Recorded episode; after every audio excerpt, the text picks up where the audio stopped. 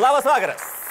Labas vakaras, mano Lietuva. Labas vakaras šalyje, kurioje vaikai paprašyti pasirinkti tarp kirčiavimo ir ketvirčiavimo, visada pasirinktų ketvirčiavimą, nes būdelis taip smarkiai nereikia. Nereikia. Ne, nereikia, nebauskit. Paviešintas Žiežmarių gimnazijoje vykusios lietuvių kalbos pamokos įrašas, kurio metu mokytoja, švelniai tariant, nebuvo pačios geriausios nuotaikos. Rogėms.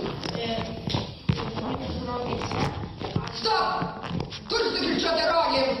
Kurioje vietai? Ant o.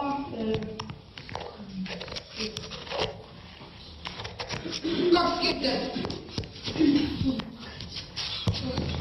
Čia ne gestų kalba. Čia negestų kalba ir visiškai teisai buvo mokytoja, o kilus skandalui mokytoja be abejo, o kaip kitaip, stebuklingai susirgo. Ir mėnesį nesirodys darbe, turbūt gerklė skauda. Na, vaikų laukia polisis. Tylos terapija. Vietoje kirčiavimo pamokų bus nebylusis kinas. Antra vertus yra ir pateisinimas. Tai buvo pamoka šeštokams. Šeštokams. Ar jūs žinote, kas yra dabartinis šeštokas? Tai yra velnės, demonas, gremlinas ir basiliskas viename. Dvigubas trečiokas. Matot mano žilus plaukus. Žinot, kada jie atsirado? Kai mano sunus buvo šeštokas. O kas yra 30 šeštokų klasė? Matėte siaubo filmą Kukurūzų vaikai? Nu, va tai ten dauguma buvo šeštokai. Trečia vertus. Gal šaliai, kurioje 90 procentų žmonių kirčiuoja projektų, komitetų ir klausimų ir reikia tokios tvirtos rankos. Įsivaizduokite, kaip viskas būtų geriau, jeigu mokytoja, va tokia mokytoja, prižiūrėtų, kaip kirčiuoja tie, kurie valdo Lietuvą. Jei atsiranda konfliktas, Tu matai, kas parašyta. Knygoj pažiūrėk, knygoj buvo sukirčiuota. Negali pasižiūrėti knygą. Negalima išbraukti. Komitetas nepritarė, prašau komiteto pirmininkė, pristatykite kodėl. E, Taip, komitetas Stop. Koks skirtis? Nepaisant to, Stop. Koks skirtis?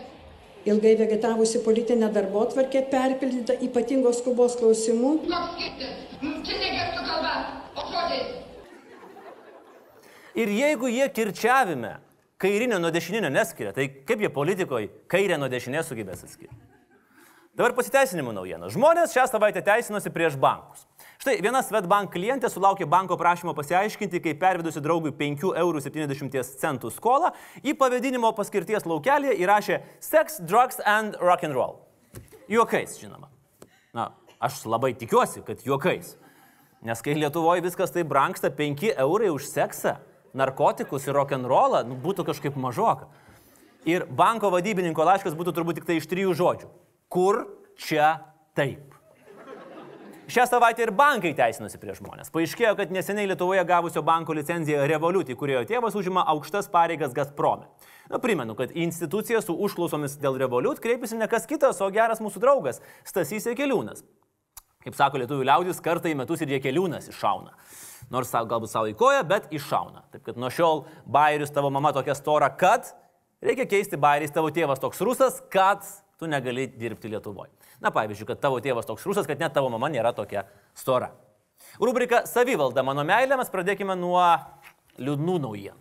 Eligijus Masiulis nesurinko reikiamo parašų skaičiaus ir krito kovoje anksčiau laiko. Pritrūko 115. Keista, kad ne 106, na, bet tada būtų nepritrūkęs. Nu, ką jau ką, skaičių simboliką Eligijus mėgsta. Iš viso jis pateikė 911 parašų, tarsi sakydamas 911, save me. Beje, pats Elygas sakė, kad galėjo surinkti tos suknistus parašus, bet jau specialiai nerinko, nes rinkdamas sulaukė daug negatyvaus dėmesio. Vat tikrai, dėl parašų rinkimų, tik dėl parašų rinkimų. Čia maždaug jeigu Henrikas Daktaras būtų atsisakęs advokato paslaugų teisme, dėl to, kad yra parduotuvės įrašas, kur užfiksuota, kaip jis nesusimokėjęs išsineša šokoladuką. Klaipėda, sorry, žolės nebus, feelingo irgi nebus. Ką Eligijus veiks dabar? Nu ką, sakė, gyvens, vystys verslus, mokysis, taip, mokysis. Ir beje, yra medžiagos, iš ko jam mokytis. Aš papasakosiu žinias, kaip, e, kaip aplama švariai išeiti iš kalėjimo, ta prasme, kur tau niekur, ni- nieko nebūtų atsitikę ir tu tiesiog o, švariai išeitum tiesiog. jeigu netyčiom, kada gyvenime tave kas nors pakištų, tu važiuotum su sudėtingu straipsniu, kuris nepatinka visuomeniai, kaliniam, suimtiesiems, nuteistiesiems. Tai po šių, po šių žinių tu, tu nebijosi kalėjimo.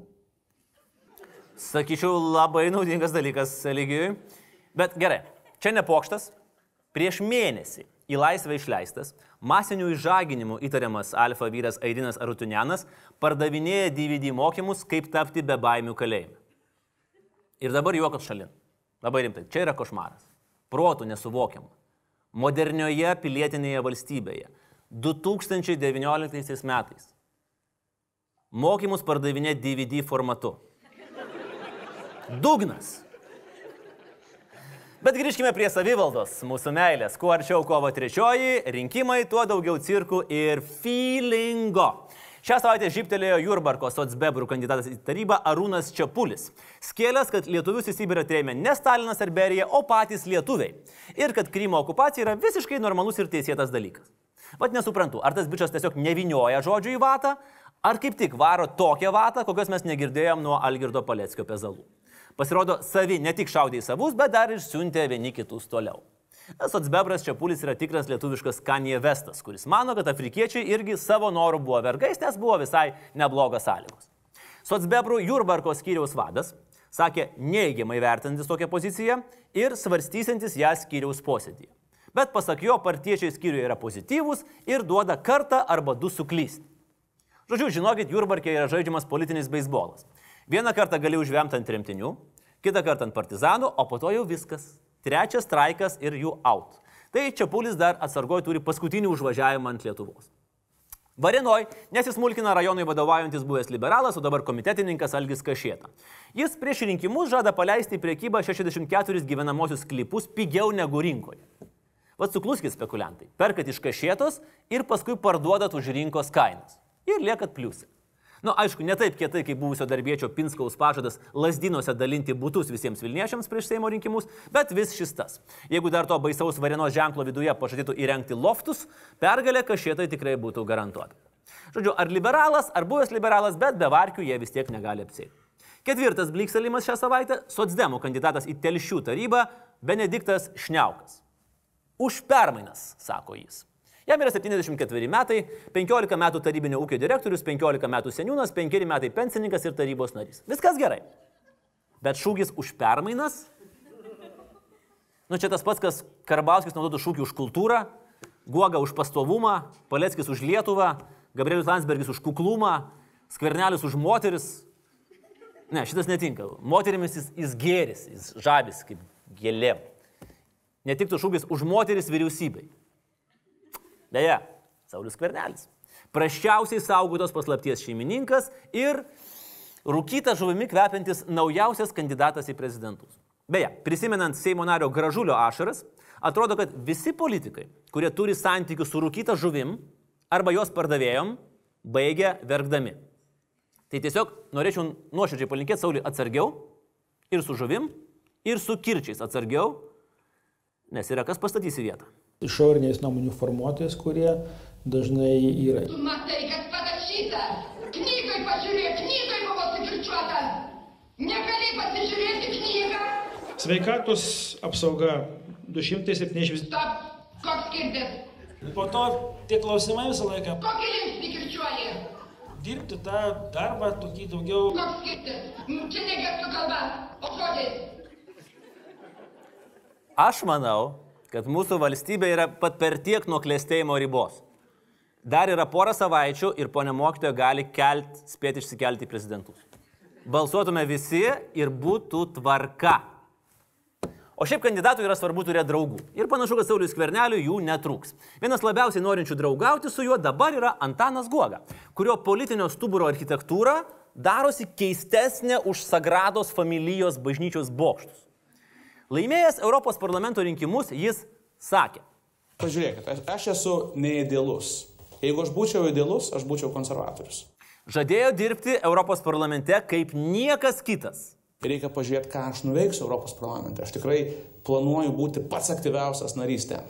Būti jau ten prieš laiko ir dirbti, mokintis, bet ir padaryti realius darbus. Aš tą planuoju daryti iš viso širdies. Dar bus. Koks skirtis? Ir norėjo būti pats pats aktyviausias. Nu, norėjo. Ir nepaėjo. Baigiantis kadencijai jis užima 621 vietą iš 750 europarlamentarų pagal aktyvumą ir rezultatus. Na, tada Antanas įsirinko kitą nusileidimo taką ir žadėjo balsuoti už konservatorius. Konservatoriai nusileisti neleido, tada matyt buvo pradėta ieškoti paguogos prizo.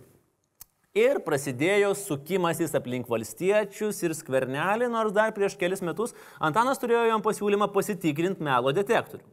Bet dabar jau viskas pamiršta ir Antanas Guoga šią savaitę rėžė tokią premjerui padus laižančią kalbą, kad liežuvio ilgumo a, galėtų pavydėti ir Orvelo didysis brolis ir veikėjai, kadaise panašiais žodžiais šlovinę komunistų partiją. Maestro, duokit muziką, aš paskaitysiu.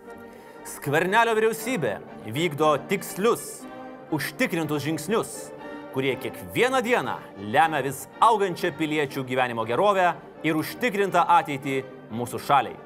Pensijos kilo jau kelis kartus, ekonomikos rodikliai auga, aplinka verslui vis palankesnė. Skvernelis kaip prezidentas būtų priimtinas blaiviai mąstantiems ir be užuolankų kalbantiems, tyliai ir gerai savo darbus dirbantiems šalies patriotams. Va taip. Čia net ir poligrafo nebereikia. Ir taip aišku, kad Antanas Guoga sako visą tiesą, tikrai neblefuoja ir net akmeniai tikintų, kad yra nuoširdus. Lygiai taip pat nuoširdžiai reido metu sustabdytas ir dvi promelės įpūtęs vairuotojas aiškina policininkui, kad išgėrė tik vieną alaus vakar vakare. Ir vad vieni policininkai patiki, o kiti ne. Kam Sauliui priešai, kai bus tokie draugai?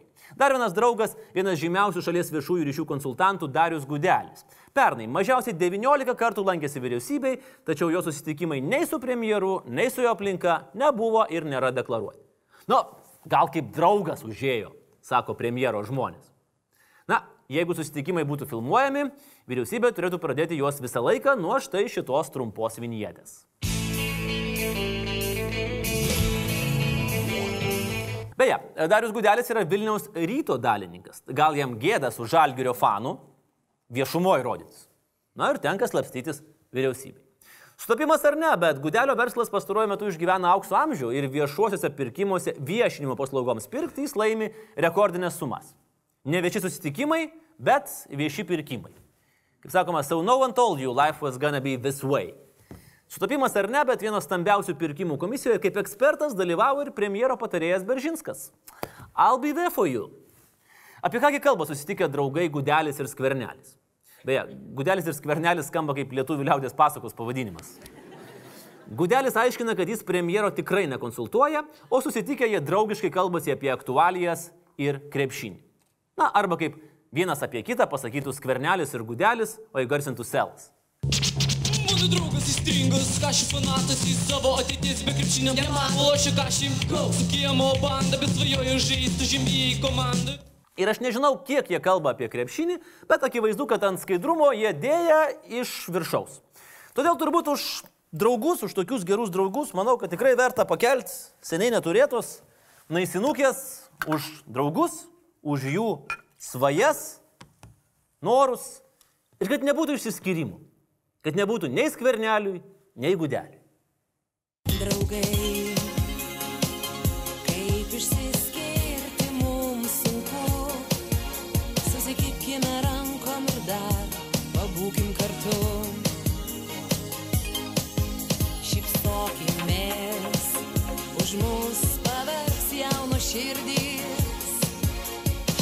Šypsokimės ir mūsų svajos galbūt ir vėl išsipildys.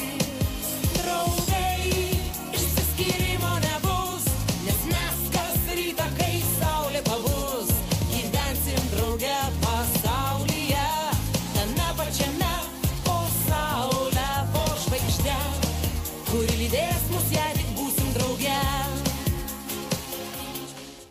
Kitas Seimo narys, Džiugelis. O, žiūrėkit, dar vienas pretendentas į liaudės pasaką. Gyveno trys broliai. Du buvo skvernelis ir gudelis, o trečias džiugelis. Tai va, tai trečias brolis džiugelis kreipėsi į STT ir pranešė, kad Karbauskis Seimo salėje Tamašūninai įteikė vokelį. Nu, supras, davė kyšį. Nežinau. Nu, Duot voką su kyšiu Seimo salėje tai yra tas pats, kas banko pavadimo laukelį įrašyti sex, drugs and rock and roll, kai tu iš tikrųjų perki seksą ir narkotikus. Nu, žodžiu, džiugelis pavarė liūdnesnį tokį, bet sakė, aš esu teisus. Rubrikoje Ar man tai turėtų rūpėti? Seimo pirmininkas Viktoras Pranskėtis šią savaitę paskelbė, kad sieks, mm, sieks tapti valstiečių kandidatu į prezidentus. Bet klausimas, ar mums tai turėtų rūpėti? No. No. Mm-mm. Mm-mm. No. No. No. No. No. No. Hell no. No. No. I refuse. No. Na, o savaitės fantasmagoriją užbaigė geras mūsų laidos draugas. Biržų meras Valdemaras Valkiūnas.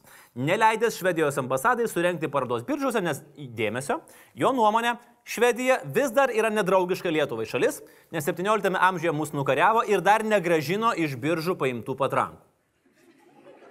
Vat gaila, žiežmarių mokytoja ant biuletenio. Norėčiau paklausti, ar patranka ir prietranka yra giminiški žodžiai, ar, ar ne, ar tik tai labai panašus. Na aišku, bet dar nepamirškime ir, kad švedai dar infiltravo savo bankus, jie dar lupa pinigus iš vargšų lietuvių. Ir jeigu esat paėmę paskolą iš švediško banko ir įrodysit, kad per karą švedai sudegino jūsų pro pro prosenelio trobą, paskolos nereikės gražinti. Tikras faktas.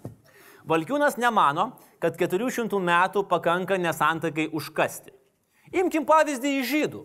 O kodėl jie neužkasė nesantaikos, argumentuoja biržų meras.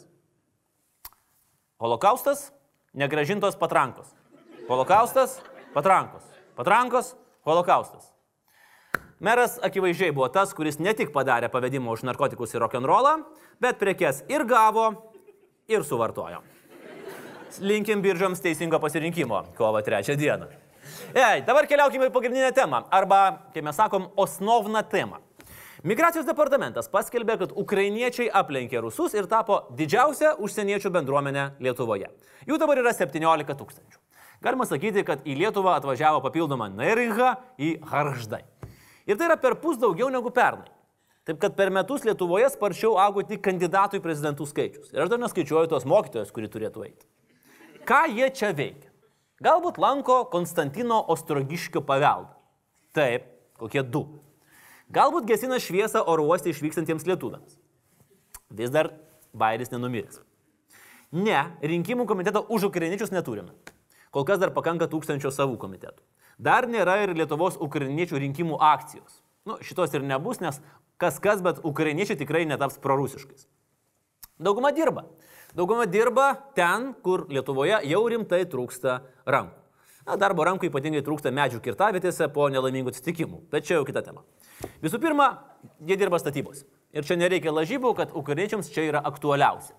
Pustrečio tūkstančio ukrainiečių su lietuviškom vizom, dar dalis nelegalų, bet lietuviai visiškai nepiketuoja su riksmais Haholas atėmė mano darbą.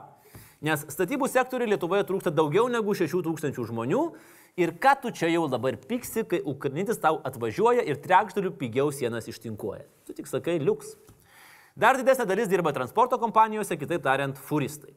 Furistinės vizas gauna ne 70 procentų visų atvykstančių ukrainiečių. Dalis ukrainiečių dirba pavėžėtojais. Na, čia jau reikia laikyti čiūrikus, kad ne tie patys furistai. Yra netgi miesto legenda, kad kas antras Vilniaus pavėžėtojas yra ukrainietis ir jam labai sunku yra orientuotis mieste. Nu tai būna, kai tu turi tik tai Kijevo žemėlapį ir bandai kažkaip atvežti. Gaila, bet šią legendą daužo pats Taxify, kurie sako, kad turi tik 30 vairuotojų užsieniečių. Statybos, taksi, dar ir aptarnavimo sfera, visokie viešbučiai, kad pedėlės, barborytės ir taip toliau. Yra dar vienas dalykas. Ne visai legali rinka. Seniausios profesijos atstovių rinka. Tam tikra prasme irgi statybos. Tik kad nenamą mėgina pastatyti. Ir pasak specialistų, Ukrainos merginos įpūtė naujų vėjų. Kainos krenta, kokybė kyla, na ir mūsų iškiams jau reikia ieškoti būdų, kaip konkuruoti. Pavyzdžiui, pridėti nemokamų paslaugų. Nu, tarkim, valanda 100 eurų, jeigu susisuki per 10 minučių, tai per likusį laiką jūs kambarius išplaus, valgyt padarys, su žmona arbatos išgers ir palaikins tavo visus Facebook'o pausus iki 2018 metų pradžios. Įdomus dalykas. Mano scenaristų komanda kaip niekada vieningai, vieningai kaip valstiečių frakcija Seime prašė Laisvės televizijos direktoriaus skirti pinigų praktiniams šio segmento tyrimams. Ir ko gero būtų gavę. Bet direktorius išsigando, kad jeigu perves pinigus už seks, drugs and rock and roll, Svetbankas gali išaldyti sąskaitą. O aukštos kvalifikacijos vizų pernai išduota viso labo 90. Žodžiu, įsivežam tik furistus, statybininkus ir plaštakės. Nu, šitas gal pačios atplasnoja. Ukrainiečiai Lietuvoje dirba vis daugiau, bet ar uždirba? Na, pavežime maždaug tiek pat, kiek lietuviai. Taxify sako, kad galima gauti 10-12 eurų pajamų per valandą. Pajamų. Vairuotojai sako, realiau gal 6-7 eurai. Vėlgi, pajamos, neuždarbis. Klausimas, kiek dirbi? Užsidirbti galima, bet tam reikia būti nusiteikus paplušėti iš pėties. Kitose srityse ukrainiečiai pasiruošia dirbti ir dirba už kokius maždaug 100 eurų mažiau negu lietuvaičiai. Vilkikų vairuotojai uždirba apie 5,40 lietuviai, ukrainiečiai 4,20. Suvirintojai lietuviai 600, ukrainiečiai 500. Ir tai beveik visose srityse. Dabar, aišku, laukit, kad pasakyčiau, kiek mergaitės uždirba. Vietinės ir ukrainės. Nepasakysiu, nes žinau tik apie tos, kurie dirba iš pėties. Apie tos, kurie dirba kitaip, pinigų tyrimų negavo scenaristai ir rašo belenką. Bet šitą situaciją turi spręsti visai neseniai pasirašytas Ukrainos ir Lietuvos susitarimas. Sutarta, kad nuo šiol už tą patį darbą ir vietiniai, ir ukrainiečiai turės gauti tiek pat, išskyrus vieną profesiją. Ir ta profesija yra kirčiavimo mokytoja. Ukrainietis ar ukrainietė, gebanti mokyti taisyklingo lietuviško kirčiavimo be isterijos, turėtų gauti dvigubai daugiau. Ukrainiečiai gyvena, dirba, uždirba, kaip gyvena. Visai paprasti žmonės, nieko nesiskiria nuo lietuvių Norvegijoje. Gyvena šešiese, dviejų kambarių būte. Jeigu gauna bendrabutį, gali grįžti studentavimo laikus ir sako, viskas mums labai gerai. Ir nuo žmonų pailsim, ir nuo karo. Pavyzdžiui, darbininkams, kurie dirba visai netoli Vilniaus, naktis kainuoja 6 euriukus. Dviviečiai, triviečiai kambariai, kaip tik patogiau. Štai netaisytas skelbimo aprašymas. Virtuvė įrengta su būtinė technika, dušas, belaidis inter internetas visose patalpuose, televizoriai kiekviename kambaryje, skalbimo mašina, uždaras kiemas, kur galėsite pasistatyti automobilį. Skamba viliojančiai. Už 6 eurus. Kai kuriems kartais tenka tenkintis būdelę ant ratų prie statybos aikštelės, nebūtinai su internetu, bet tikrai mašina bus kur pastatyti. Tolimųjų reisų vairuotojams dėl apgyvendimo lyg ir ne, nereiktų sukti galvos. Jie pastoviai kelyje. Valgo kelyje, mėga kelyje. Nu, gal mėgot kelyje ne pati geriausia mintis. Tačiau įmonės Transtira darbuotojai iš Ukrainos viešai skundžiasi, kad namo, kuriame juos apgyvendino įmonė, šeimininkė labiau myli kates negu juos. Nu, oficialus skundas. Sako, neįmanom. Smirda, po namus laksto katinai. Kaip gyventi? Kita vertus, tai skatina mokytis lietuvių kalbos, nes visi ten gyvenantis labai nori perskaityti biliūno kliūdžiau ir kuo visą tai baigsis. Dar vienas rytis, kur mūsiškai dairosi ukrainiečių ir ne tik jų, yra aukštasis mokslas. Ir čia nekalbam apie aukštąją mokslo reformą, kur tipo prijungiai vieną univerą prie kito tam, kad išparduotum turtą ir ten, kur kažkada buvo štampuojami diplomai, bus štampuojami pakrantės kodedžai. Universitetams ima trūkti kokybiškų studentų. Geriausi mūsiškai jau baigdami mokyklą žino, kad važiuos į Oksfordą, Sorboną, Heidelbergą, blogiausiu atveju kokį nors Lycą ar Peterboro politechninį. Nežinau, ar toks yra, bet įsivaizduoju. O jų vietas užpildo tokie, kurie pasirašyti vardu ir pavardę gali tik Instagram'e ir tik tada, jeigu parašą kažkas palaikins, nes kitaip nesiskaito. Va ir bando mūsų universitetai žvejoti jaunas ir protingas sielas svetur. VAU neslėpia, kad jo kova kilti vis aukščiau reitingė yra visų pirma marketinginis planas kviesti mokytis čia tuos, kurie savo Kijevą ir Lvovą jau išaugo, o iki Oksfordo ir Kembridžo trūksta ir drąsos, ir balų. Pavyzdžiui, Teisės fakultete jau aštuonerius metus yra rengiamos bakalauro ir magistrų studijų programos užsieniečiams. Absoliuti dauguma - Ukraina, Baltarusija, Gruzija. Tai va čia ta teisė, kuri kaip visi socialiniai mokslai visame pasaulyje turi tik vieną universalų bruožą. Advokatui reikia mokėti. Honorarą. O jau patys įstatymai keičiasi. Bet tokioj fizikoje, chemijoje ir biologijoje viskas tas pats. Boilio Marijoto arba Geilių sako dėsniai visose šalise užrašomi vienodai. O ir stataus trikampio žambinės kvadratas visuomet bus lygus jo statinių kvadratų sumai. Tai čia jaunus žmonės pritrauk dar lengviau. Klausimas yra, kas po to. Ar mes orientuojamės į tai, kad išmokam juos, žinoma, ne už savus, už jų pačių pinigus, tada jie grįžta namo, taiko žinias ir pasakoja bendramžiams, kad tris metus gyveno Vilniuje keptomis bulvėmis. Nu, kaip mūsų studentai. Ar jie netyčia susipažįsta su žave kursiokė nuo biržų, žingsnis po žingsnio, leiskite, aš jums pasieksiu knygą nuo virš, viršutinės lentynos, o ką jūs vakare veikite ir žiūrėkit, jau groja Mendelsono maršas, o mama iš kryvojo rogo jau braukia ašarą, nes jos vaikis amžiams lieka Lietuvoje ir anūkai nebesupranta, kokie skanus lašiniai su horilka. Žodžiu, grinai kaip su mūsiškiais, išvažiavusiais mokytis svetur. Ir šiaip mes žiūrim į ukrainiečius pas save ir matom save pačius prieš šiek tiek metų. Darbai ne patys fainiausi, atlyginimas geresnis negu namuose, bet nestebuklas, gyvenimo sąlygos nericas ir net ne eko hotel, visada bus norinčių tave apsukti, kažkas nesumokės algos, kažkas duos netokį darbą, kokį žadėjo, kažkas pasakys, kad reikia kirčiuoti trakai, o ne trakai. Žmonės yra žiaurūs. Ir dar ta integracija. Nemaža dalis lietuvių išvažiavusių greito svaro sterlingų nusėdo salose visam laikui. Taip gali nutikti ir su ukrainiečiais Lietuvoje. Ir jau nutinka. Viena tokių sėkmės istorijų - naujoji akmenė. Va, žiūrėkit, jūs viename sakinyje ką tik išgirdote žodžių junginius sėkmės istorija, naujoji akmenė. Didžioji dalis ukrainiečių Lietuvoje nusėda laikinai darbuotis didžiuosiuose Lietuvos miestuose ir jiems ta integracija netgi nėra labai reikalinga. O štai naująją akmenę atrado ukrainiečių šeimos. Žmonės ten keliasi gyventi, į mokyklas leidžia savo vaikus, kuria verslus ir mokosi lietuvių kalbos. Nes tikrai nori perskaityti biliūno kliudžiau. O nuo ko viskas prasidėjo? Prasidėjo nuo pigių būtų. Ukrainiečiai įvedė į Google pigus būtai Lietuvoje ir jiems metė naująją akmenę. Nu, bet to, kai skelbime pamatai, kad siūlo kažką naują, visada patraukliau atrodo. Naujas telefonas, naujas dviratis, naujas sportbačiai, nauja akmenė. Būtų dėvėta akmenė arba akmenė iš antrų rankų, nu jau būtų ne taip. Čia pusę velnio būtų galėjai nusipirkti viso labo už 5000 eurų. Reikia suprasti, kad kai kuriems tai buvo tarpinė stotelė, nes norint gauti Schengeno vizą, reikia turėti nekilnojamo turto ES valstybėje. Bet žmonės atvažiavo ir staiga atrado visai kitą pasaulį. Bėgantis nuo karo iš Luhansko ir Donetsko čia atrado saugumą, bėgantis iš užteršto Mariupolio čia atrado švarę gamtą, griną orą, miestelį su sutvarkytam gatvėm, renovuotais namais ir vaikų aikštelėmis. Ir merą, kuris toks kaip, žinot, mitinis vienaragis. Normalus atsdemas. Visi yra girdėję, kad tokie yra, bet matė tik akmeniai. Nu, va taip ir įsivažiavo. Ir dabar naujoje akmenėje gyvena apie 50 šeimų. Ir vietiniai juos priima, užpildomi tušti būtai, į mokyklas vaikšto ukrainiečių vaikai, džiaugiasi vietiniai darbdaviai. Mes dažnai drožiam rajonų savivaldybės, bet šį kartą galim dėti didelį pliusą. Savivaldybė ne tik priėmė naujus gyventojus, bet ir padėjo jiems integruotis, organizuoja lietuvių kalbos kursus suaugusiems, užmesgė kultūrinius ryšius su Mariupoliu, vykdo va, e, vaikų vasaros stovyklas, o kad imigrantai nebūtų palikti likimo valią, netgi turi specialų etatą švietimo skyriui, žmogų, į kurį visi gali kreiptis ir ne tik konsultuotis dėl kirčiavimo. Ir vad rezultatas - atsigaunantis miestas, atsigavo nekilnojamo turto rinka. Na, galbūt ne pagrindinė priežastis, bet tikrai viena iš jų. Mieste vakarų medienos grupė investuos 180 milijonų eurų ir planuoja pastatyti naują gamyklą. Trakai garsėja kibinais, karmėlava cepelinais, gali būti, kad netrukus visi važiuosim borščių ir varinikų valgyti į naująją akmenę.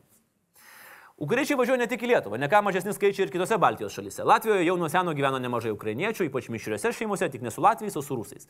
Kalbos barjeras ukrainiečiams ir Latvijoje, ir Estijoje yra daug žemesnis. Sąlygos panašios, bet galbūt mes tiesiog esame pirma stotelė, kurioje europinių pinigų ištroškę ukrainiečiai suskumba išlipti. Na, panašiai kaip lietuvaitė galvojanti, varau daryti karjeros į Hollywoodą, o be keliaudama galvoja, o, Airija, senelių namai, darbo pasiūlymas. Važiuoja. O bet tačiau, Ukrainiečiai Baltijos šalyse, palyginus su ukrainiečiais Lenkijoje, yra tas pats, kas tvarkingas paauglio kambarys realybėje ir Instagrame. Instagrame jų žiauriai daug. Realybėje vos vienas kitas. Manoma, kad šiemet ukrainiečių skaičius Lenkijoje gali išaukti iki 2 milijonų. Lenkų ekonomistai prognozuoja, kad šalis gali įvaldyti iki 4 milijonų ukrainiečių ir sakyti, šiskov požontų. Kodėl Lenkija turbūt klaus nereikia. Slaviška šalis, geografinė kaiminė, o istoriniai nesutarimai rūpi tik nacionalistams vis neužtikrinčiau reikiantiems Lenkija Lenkams. Nu, kur ten pririekusi? Kai pas mus reikia Lietuva lietuviams, tai kelią pastoja vienas, nu, maksimum du žydai. O ten yra 2 milijonai ukrainiečių, daug nepririekusi. Daugiausiai ukrainiečių dirba statybose, ne ką mažiau viešbučių industrijoje ir žemės ūkyje. Ir žiūrėkit, čia yra netikėtumas, kuris apstulbino pačius Lenkus. Vidutinis ukrainietis neretai uždirba daugiau negu vidutinis Lenkas. Nu tai kur čia kviperdolionis sureagavo įžeidus Pilsuskio palikonis ir jau ėmė traukti kardus ten hei hei sokolai, bet greitai paaiškėjo kodėl. Nes vidutinė ukrainiečių darbo trukmė Lenkijoje yra 54 valandos. Dirbantis trumpam laikui gaudo viršvalandžius, naktinės valandas ir savaitgalius. Ir arė. Nes 5-4 valandos reiškia, kad jie uždirbs maždaug 5 kartus daugiau negu tėviniai. Nu, laimingi valandų neskaičiuoja. Skaičiuoja pinigus. Ir kaip nebūsi laimingas, kai uždirbi penkis kartus daugiau, o išleisti neturi kada. Beje, 54 valandų darbo savaitė lietuviui dar yra geriau žinoma kaip vasaros atostogos Norvegijoje. Ir todėl ukrainiečiai yra tokie svarbus Lenkijos ekonomikai. Nes į Angliją išvažiavusius Lenkus ant technikus keičia greičiau nei vairuotojai padangas po pirmo plikledžio. Vietinės Lenkų verslo žinios pernai išrinko įtakingiausius ekonomikos žmonės šalyje. Pirmoje vietoje atsidūrė premjeras Moravieckis. Antroje - ukrainietis. Tiesiog paprastas ukrainietis kaip visuomenės dalis. Na, bet įsivaizduokit, kokius nors žmonės 2019 rinkimus ir antroje vietoje atsidūrė ne Karolina Meskino, o tas taksistas ukrainietis, kuris atvežė Karoliną Meskino į renginį. Ukrainiečiai Lenkams svarbus dar ir dėl pagudravimų. Nenorėdami įsileisti migrantų iš Sirijos, jie pradėjo dėjuoti lenkiškai. Vai, kiek mes jau va priimėm vargšų giminaičių, nuo karo gybėga visi, nuo karo. Nu tada jau ir Kijevui trūko kantrybė. Sako, klausykit, Lenkai, jūs mes ne nuo karo, mes uždirbti važiuojam. Jūs gal nelyginkit memorialo žalgirio mūšiui su pirštu, ok? Bet ne viskas pas Lenkus zlotais klota. Lenkija yra kaip žalesis tiltas, kai tu iš santariškių važiuoji į stotį. Nu, tokia didelė, didelė tarpinė stotelė. Ir tie milijonai ukrainiečių čia atvyko ne dėl 700 eurų algos, ne Mitskevičiaus garsiai skaityti ir ne Koperniko muziejaus lankyti. Dauguma yra paėmę tokį žemą startą ir tik laukia, kada vakarų Europa dar labiau liberalizuos savo darbo įstatymus ir tada tik tai fit, dzinkuje bardzo, į Dovydzenę panovė aš jau Vokietijoje. Vokietija laukia, šalia trypčioje ir Lenkų kaiminės Čekija ir Slovakija. Žiūrėkit, pas mus algos 20 procentų didesnės, o popierizmo dar mažiau. Skaičiuojama, jeigu Lenkija paliktų pusę milijonų ukrainiečių, jos BVP kristų daugiau negu pusantro procento. Todėl Lenkijos valdžia yra nubrėžusi dvi strateginės imigrantų iš rytų kryptis. Priviliuot kuo daugiau aukštos kvalifikacijos ukrainiečių, vargas tau nizaležna, ir sulaikyti planuojančius išvykti į vakarus. Ne, ant arklių Lenkų kavalerija nesės, sienos su Vokietija nestatys. Ir tiesiog pabandys padaryti taip, kad tie ukrainiečiai kuo greičiau nusėstų Lenkijoje, asimiliuotųsi ir supuodami glėbiuose kūdikius gimusius mišriuose santykiuose, sakytų, gyvenimas Lenkijoje yra vo. Aš nežinau, ką Lenkijos migracija kaip Bilas Kosbi pila į gėrimus naktiniuose klubuose, bet tai veikia. Mišrių santokų skaičius išaugo trigubai. Na, reiškia, Lenkijai reikėjo ne tik ukrainiečių darbo rankų, reikėjo ir dar ko kito. Pernai ukrainiečiai įsigijo rekordinį kiekį nekilnojamo turto Lenkijoje ir šitie skaičiai tik auks. Primenu, naujoje akmenėje būtus nusipirko 50 ukrainiečių šeimų. Tai Lenkijoje ukrainiečiai nusipirko 50 naujųjų akmenių. Įdomus ir skirtumai tarp Lenkijos ir Lietuvos. Lenkijos privalumai yra daug greitesnis popierių tvarkymas imigrantams. Ten savaitė, pas mus dėjuojant pusantro mėnesio. Ten yra didesnės algos ir ten yra didesnis pasirinkimas. Lietuvos privalumai. Mūsų darbdaviai yra sažiningesni, mūsų tarpininkai yra sažiningesni ir mes turim šiek tiek geresnį požiūrį į ukrainiečius. Lenkijoje jis irgi neblogas, bet, na vis tiek, skauduliai istoriniai kartkartėmis prasiveržia. O pas mūsų Ukraina yra tik du skauduliai.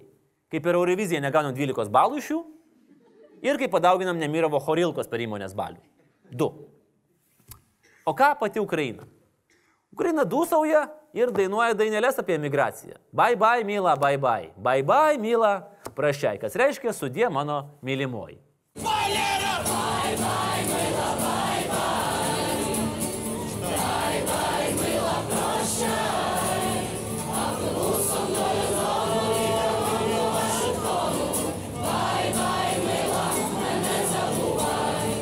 Daineliai netgi e, kryptis parodyta - autobusų iki Londono ir ten ir ką toliau daryti. O ką jiems daugiau daryti? Mūsų demografinė krizė yra juokas palyginus su tuo, kas laukia Ukrainos. Jiems trūksta visko. Jau trūksta visko. Nuo inžinierių iki santechnikų. Įsivaizduokit, ko ne kiekvienoje ligoniniai Ukrainoje tave visų pirma pasitinka skelbimas. Medicinos seselėms siūlomas geras darbas Lenkijoje. Ir tai tikrai bus geras darbas Lenkijoje. Kai reikia apsirengti baltą halatą, kad padėtum žmonėm, o ne žaidimus žaisti.